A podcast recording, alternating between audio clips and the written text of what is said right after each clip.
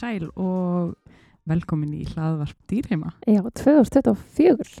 Við erum kominar aftur eftir smá hlið Já, og hérna ætlum að fjalla um svolítið áhugavert og mikilvægt hérna málefni og Mhm. það er fóðurinn ka- kettlinga og hérna við ætlum bara svona að fara svona gróflega yfir bara með, all, allt frá fóðurinn á meðgöngu, fæðu hegðun kettlinga og svona hvað skiptir máli bara í hérna í þessu mm.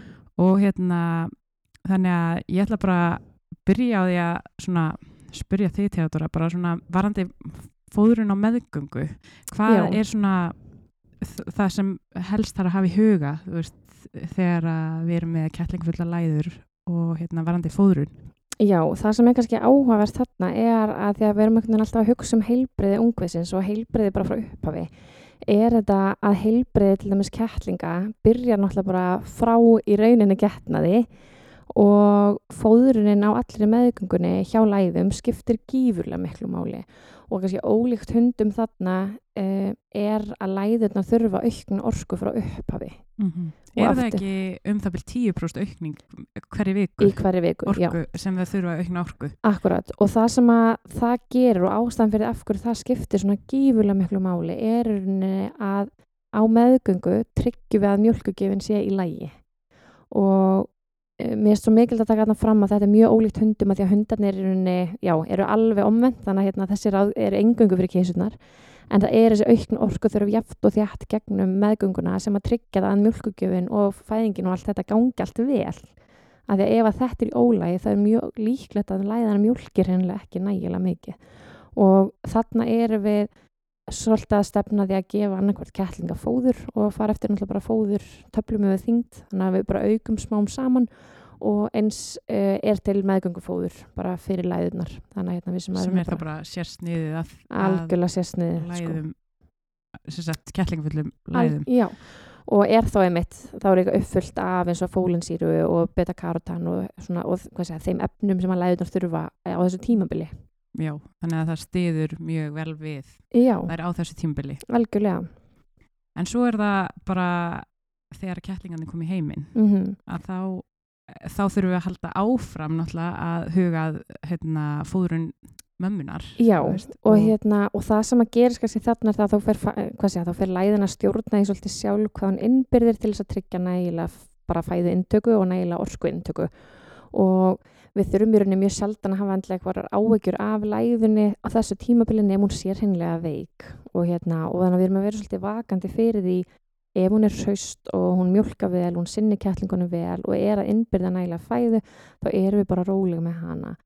Og ástand fyrir því að fóðurinn þarna skiptir samt svo miklu máli það að þarna er sko, hvað segja uh, ólíkt fólki að, hérna, að þá er þeir rauninni, hvað segja uh, þetta ónæmi sem að bersti gegnum fylgjuna, það er ekki nema 5-10% í kvolpum og kettlingum. Þannig að rétt fóðurinn frá upphafi fæðingar skiptir miklu máli upp á að styrkja ónæmiskerfið frá upphafi. Þannig að og- það er í rauninni í fóðurinu er, hérna, það er sérst niður til þess að styðja við uh, uppbyggingu ó- Já. ónæmiskerfisins allána í, í fóðurinu frá til dæmis Royal Canin. Já, algjörlega. Og það sem að er kannski verið að leggja áherslu þar smeðrinu fóðurinn læðunar er að tryggja að hún sem er nægilegt magn andóksunarefna og annað til þess að og vítamin E og lútin og annað til þess að hún bara byggja sig upp og byggja ónæmiskerfi kettlingan upp í gegnum móðu mjölkina og það er unni það sérst, fyrsta, sé, fyrsta ónæmi sem færist yfir er unni gegnum svo kallan brott uh, hjá kettlingunum sjálfum þannig að það er bara fyrsta mjölkin þannig að það er mikilt að koma kettlingunum á spena sem fyrst. Og þannig eru að hugsa um svona innan sé allra síðastalega innan tveggja tíma frá fæðingu. Yfirleitt fara þeir fyrir á en í tilfellum eins og til dæmis þegar það er þarf að grípa inn í með til dæmis keisaskurðu og annað þá eru við þurfum við að, passa að þeir komist á spena nægilega snemma. Þannig að, hérna, þannig að þessi fyrsta mjólk skiptir öllu máli fyrir ónæmiskerfi kettlingana og, hérna, og svo er rauninni bara að vera e, á móðu mjólkinni ef ekki móðu mjólkinni þá á þurru mjólk sem er eins líka móðu mjólk og hægt er.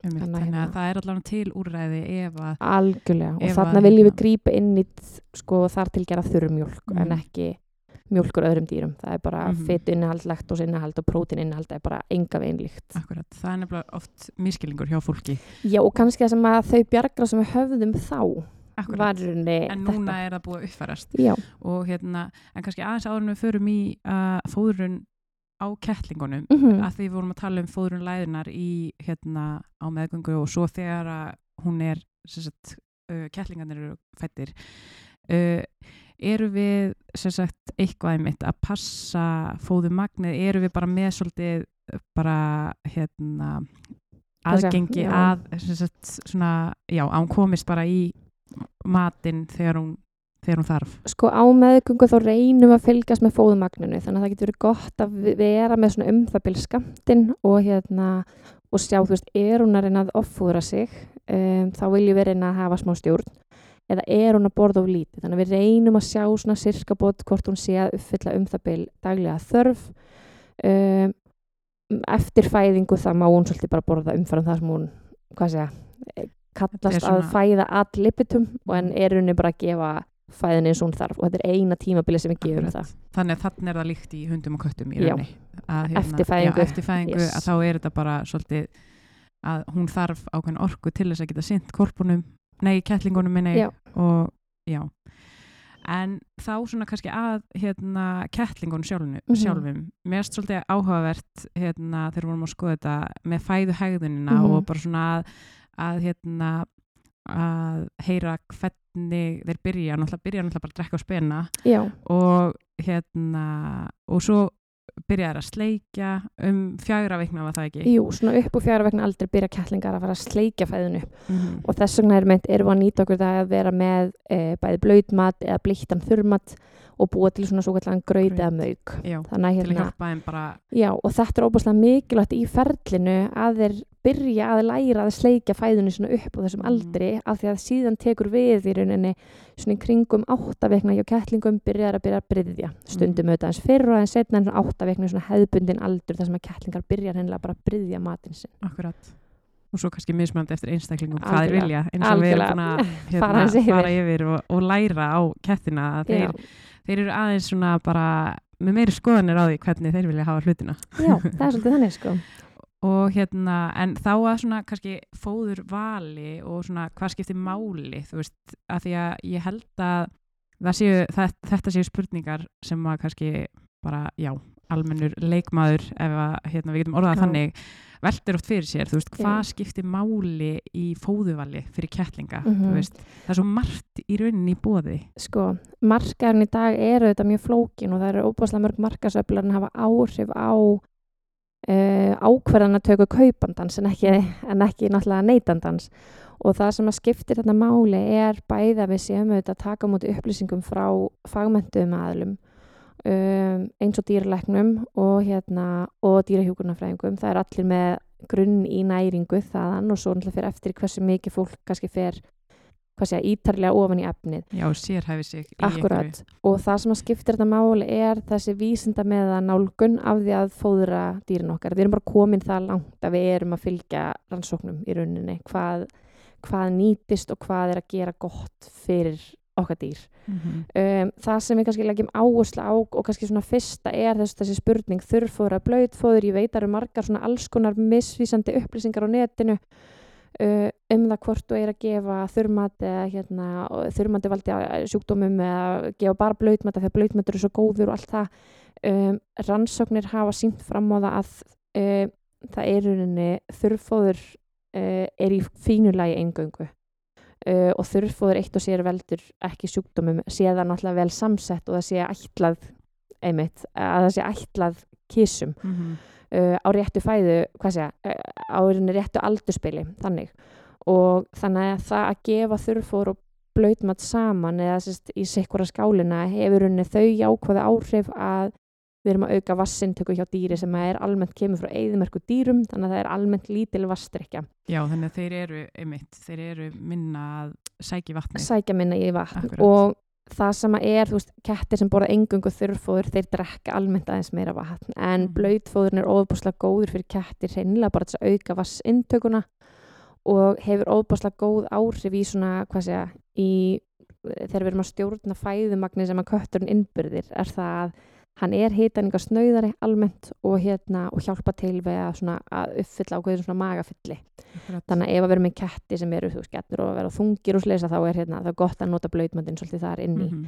En svo er það spurningin með einmitt, veist, þetta er mjög góð yfirferði mitt á þurrfóðri, vaffers, eða þú veist, á hérna, og blöðfóðri, en Mhm. hérna, en já, einmitt, hvers konar, þú veist, að- það er ekki allt, og sérstaklega kannski blöð, en Já. þú, þú kannski leiðir til mig svona ef að, hérna, Mhm.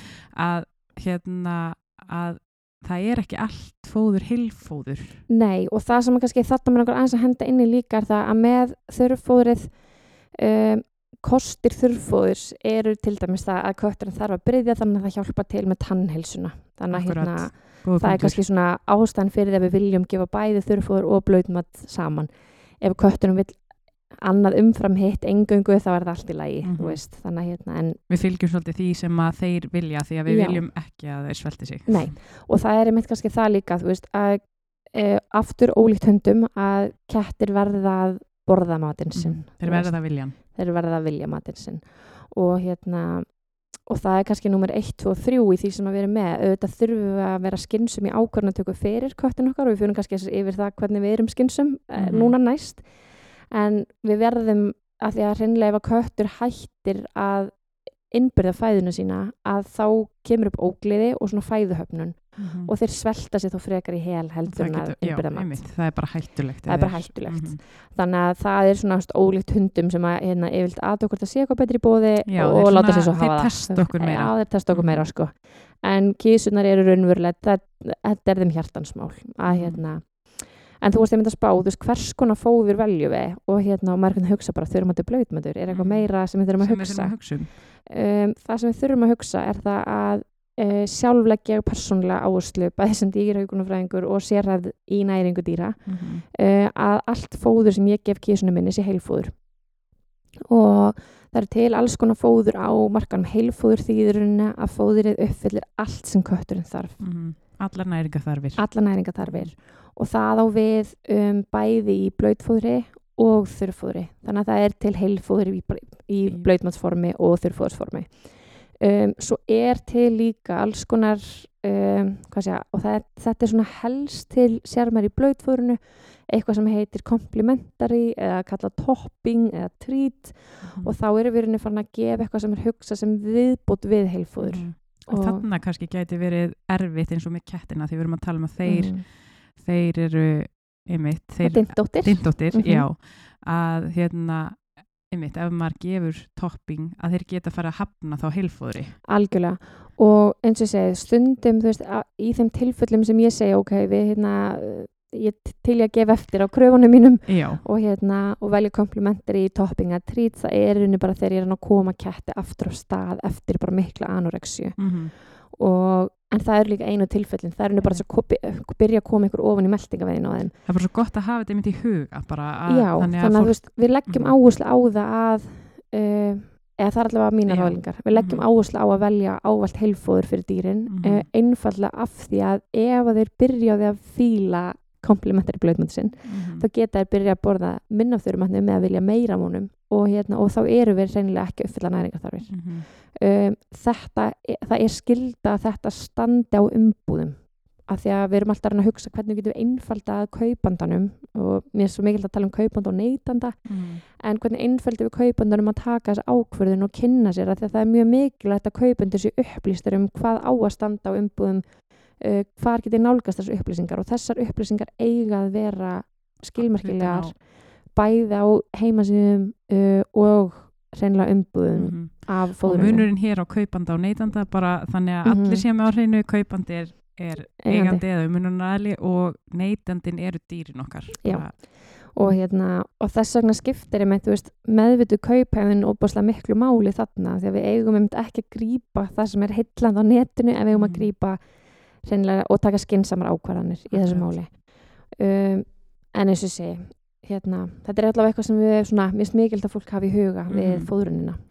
En svo aftur að bara kettlingnum mm um, að því að mér finnst svona einmitt kannski svona algengt að fólk velti fyrir sér bara af hverju kettlingafóður og um 70% kettlinga eru ekki á viðegandi Mhm. fóðri með að við sín, sín aldur og vakstaskeið. Algjörlega, og það sem er kannski þarna er það að okkur finnst kettlingarnir okkar orðnir svo fullorðnir svo snemma en þeir eru ennþá kettlingar og þeir Mhm. eru ennþá að vaksa og líffærin er að taka út þroska, ónæmiskerfið er að taka út þroska og bara, hvað segja, öll heildin er bara ennþá að vaksa og við tölum um að kettlingar verða í rauninni ekki fullorðnir kettir fyrir í kringum svona 12 mánuða aldur en mein kún og þessar stærri tegundir e, í kringum 15 mánuða Akkurat. þannig að þeir þurfa ennþá þeir eru ennþá með næringa þar eru kettlings fram að þeim aldrei Þó þeir líti kannski út fyrir okkur eins og þessi orðin fullorðnir. já, og Mhm. hérna og farnir að haga sér sem slíkir í rauninni um, það sem er kannski öðruvísi við kettlingfóður er það að um, almennt eru kettlingar þurfa þeir á meiri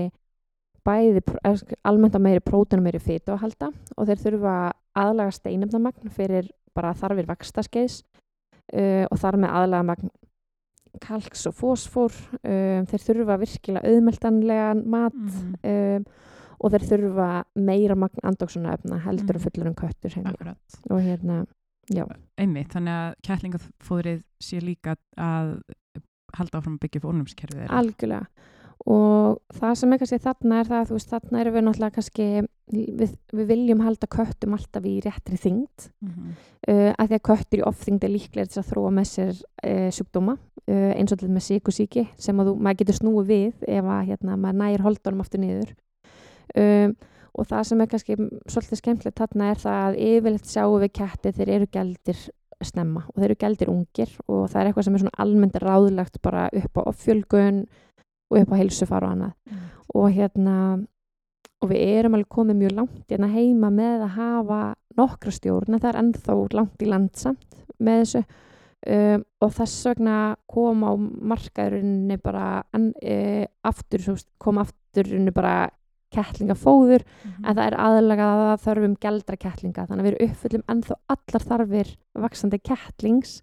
En erum að bara að passa aðeins upp á hitæningarnar og Já. hérna, draugum úr hitaninga fjölda Mhm. til þess að koma í veg fyrir eða reyna að stöðla því að kett að hann fara ekki að bæta sig í rauninni bara fytu og Já, þyngd já, akkurat, þannig að það er þá kitten og svo kitten styrilæst Já, og Mhm. hérna og það sem að kannski skiptir máli þarna er það að því að við geldingu mingarunni grunnbrennslum sko svona tala um svona 30 til 35-40% þannig getur ímyndaðir hvað hann þarf að borða mikið minna og ef hann fer að borða mikið minna að þá erum við ekki uppfylla næringarþarfir. Akkurat, þannig að við erum að hafa það svona þessi huga. Þannig að ég myndi alveg klárlega að mæla með því uh, fyrir eigendur geldra katta að kíkja á kitten styrlest mm um, og einmitt halda sig við kettlingafóðrið út og vaksta tímabilið. Við erum einhvern veginn alltaf að flýta okkur en hérna það er svolítið kettir, ríkt í okkur nefnilega. Já, og kettir verða að meðaltali sko svona 16 til 22 ára akkurat, þannig að hérna við þurfum ekki veist, leifum þeim að vera kettlingar fyrsta Mhm. árið sitt þetta er ekki stórt tímabili hérna, í stóra samhenginu í rauninni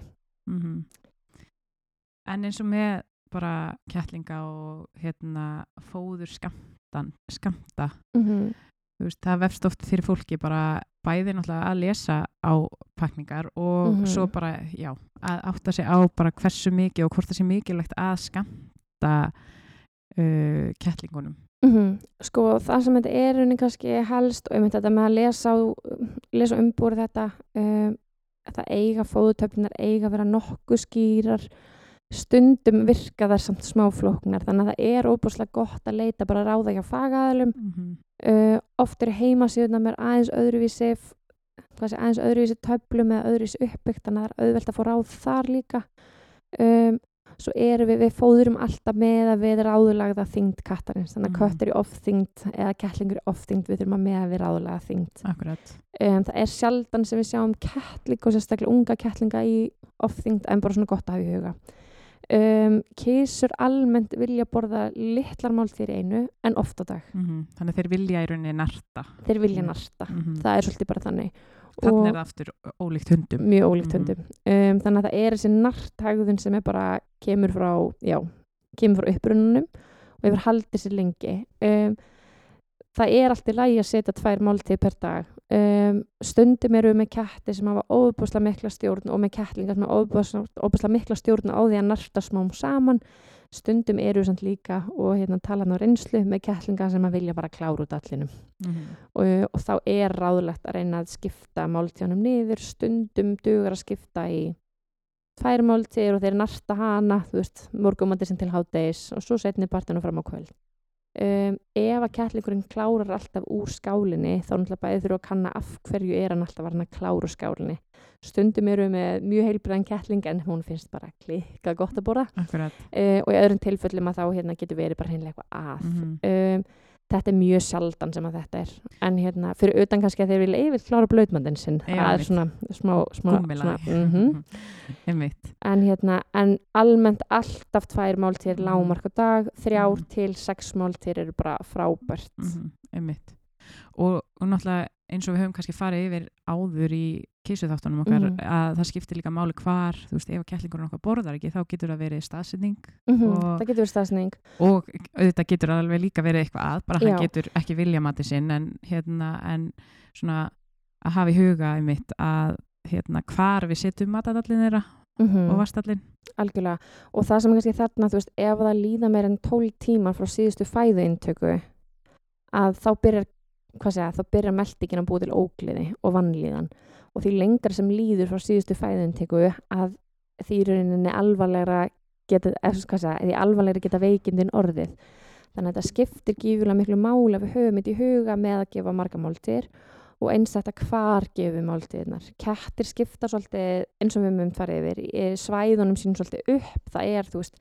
leiksvæðið okkar, það er yfiráðsvæðið okkar og hérna og við viljum svolítið fóðura köttin á sínu yfiráðsvæði mm -hmm. og hérna og þið getur kíkt á fyrir þætti til þess að svona greina kannski Svona, hvar þetta yfiráðsvæði er. Einmitt. En við pössum að hafa þarna margir kettir vilja alls ekki hafa vass og matadalla hlið við hlið, öðrum er alveg sama en Akkurat, þetta þetta er getur skipt já. ketti máli þetta er, þetta er mismöndi eftir einstaklingum en einmitt þetta get, Þetta við veitum að þetta getur, getur skipt máli. Þannig að bæði hafa mass og matadalla ekki og nálagt, hafa dallana grunna það er mjög mikilt fyrir kísu þeir vilja vilt ekki að sé, vilja vilt ekki að veiðihárin sinn snerti yfirborð djúpur. Mm um, og svo er þetta með veist, við viljum hafa kattaklósitið frá matnum af því að öll lykt mengast. Þannig að hérna, þetta getur skiptað líka mjög miklu máli. -hmm. og við pössum svolítið ef það eru fleiri en tveir kettur á heimilinu oft vilja þeir ekki deila döllum. Og þó þeir deili döllum heima verið mjög krítisk á hægðunina samt að því að hérna uh, og tala þarna alveg reynslu með sískinni sem virtust bara bestu vinir en hérna en maður sé stórmun þegar maður aðskilir þau þú veist, varðandi já, varðandi bara vannljan þess kettling sem er undir þannig að hérna um, já, allavega mikilvægt að hafa í huga að svona reyna að fóðra kettin á sínum yfir á svæðum þó að því sex allar út um allt heimili að það verða bara þannig. En hérna hann hafa það allavega svona í huga það skiptir ekki svona máli. -hmm.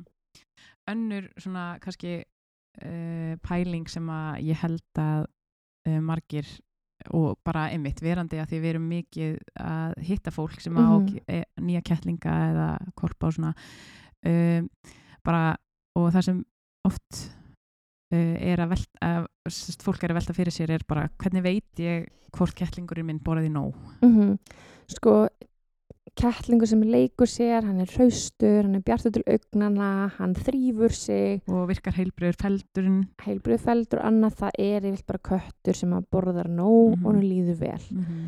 uh, auðvitað erum við með hvað segja, auðvitað erum við með einkenni alls konar um, hluta þarna sem að við þurfum svona að hafa í huga um, en eins og segi, ef við uppfyllum þetta þá er kötturum bara í góðu standi.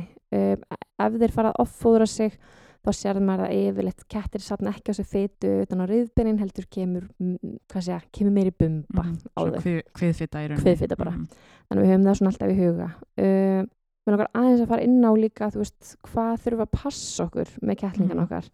Uh, þetta eru þetta mjög miklu óvitar en hérna, við þurfum að passa það. Er mjög algengt að fólk vilji endilega gefa kísunum sinni mjólk og aftur þetta er kannski einhver gömul hefð uh, frá því út í fjósi þegar það var bara alltaf til nægilega mikið magnað mjólk Mhm. um, en kettir eru almennt uh, með mjólkur óþól eftir að þeir hægt á spena uh, og það er af því að myndun laktasa sem að nullar út laktósan þannig að þegar laktasi og laktósi eru í, í jafnvægi að þá þóla er laktósan Mhm.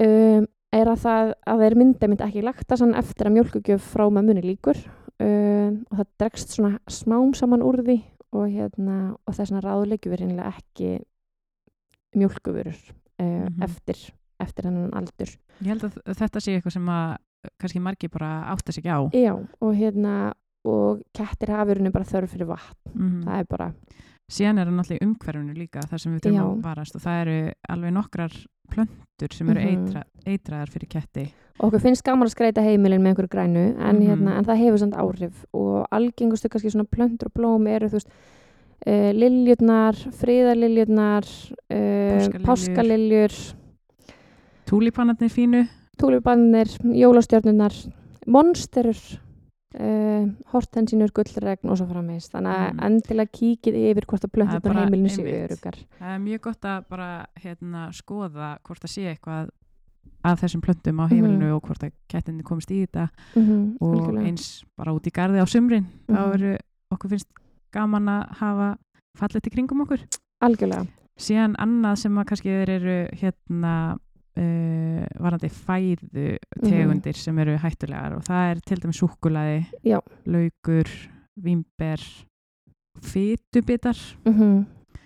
uh, avokado eldu bein áfengi, við ætlum ekki að gefa Mhm. köttunum okkur í glas Nei, þetta er svona alveg ímest alltaf heimili sem við þurfum alveg að hafa hans í huga með, þú veist, varðandi matarágangusleis. Yfirleitt eru kettinir, hvað segja, yfirleitt eru þeir það skynnsamar að þeir viljið ekki. mm -hmm. En hins var þurfum að vera meðvitt um þetta þegar við erum með börn á heimilinu að það er einhvern veginn auðvöldar aðgengi að sætindum og öðru að það getur verið kettir sem fari í þetta og þetta getur bara verið reynilega lífshættult og valdið bara reynilega eitrunum. Uh, Þannig að ef að kötturinn okkar kemst í blóminu að þetta þá, hérna, þá hefur við sambandið dýralækni. Það er bara þannig. Akkurat. Um, svo langar mig aðeins að koma inn á rátt kjöt og fiskur um, sest, já, rátt kjöt og rár fiskur um, Mhm. það geta verið mjög skadalega bakteríur e, þarna sem að fara ón í meldingavegin um, dýrin þurfa ekki endilega að veikast sjálf en þau geta smitað þessum bakteríum sem geta verið hættulegur okkur út í umhverfi. Akkurat. og hérna, það er náttúrulega eins öðruvísi kísurnar okkar búa ekki lengur bara úti eða hérna sjáum sér sjálfar, þú veist þetta býr hérna á heimilum, það sefur upp í rúmunum uh, við erum að knúsa þetta og kjassa þetta og þetta er að sleikja okkur hendurnar og hérna þetta er bara einhvern veginn allt öðru í sig heldur en fyrir mörgum miklu, árum. þetta er miklu Mhm. nánar samband. Að við þurfum að vera meðvit um það að vera ekki að koma skadalegum bakteríum í þær sem eru skadalegar okkur. Þannig að við erum svona þetta er svona ákveðin svona hreinlætisvörn bara í umhverjun okkar. Mm um, saman þetta þessu öll saman? Já, er það ekki bara að gefa kettlingafóður ætla kettlingja á sínu stíi mhm. er hann geldur ekki geldur um, passa að gefa honum í já, hreinum matadöllum vera duglega að hérna, þrýfa matadallan eftir hérna, fóðugjafir reynd vatn rólegt Eh. umhverfi það sem hann borðar um, fylgjast bara með í rauninni þingdinni svona talað um hvað, hvort hann borðir nóg eða Mhm. mikið, að bara vera og ef maður kemst ekki sjálfur í það einmitt að bara hérna, það er hægt að koma og, og hérna, fá ráðgjöf hjá fæðalum, til dæmis hér hjá þér Já, alltaf velkomið að heyri í mér og kíkja við og, hérna, og eins hjá öllum dýralæknum. Já. Bara fylgjast með öllum skoðunum og hérna, muna bólsita ormareinsa og örmörkja. Mhm. Ekki svolítið þannig með að við séum bara búin að fara dálítið vel yfir þetta og hérna, já. og alltaf velkomið að senda okkur spurningar og, og ábendingar líka hvað ykkur finnst gaman að hlusta á eða hafi áhuga. Já, takk fyrir okkur.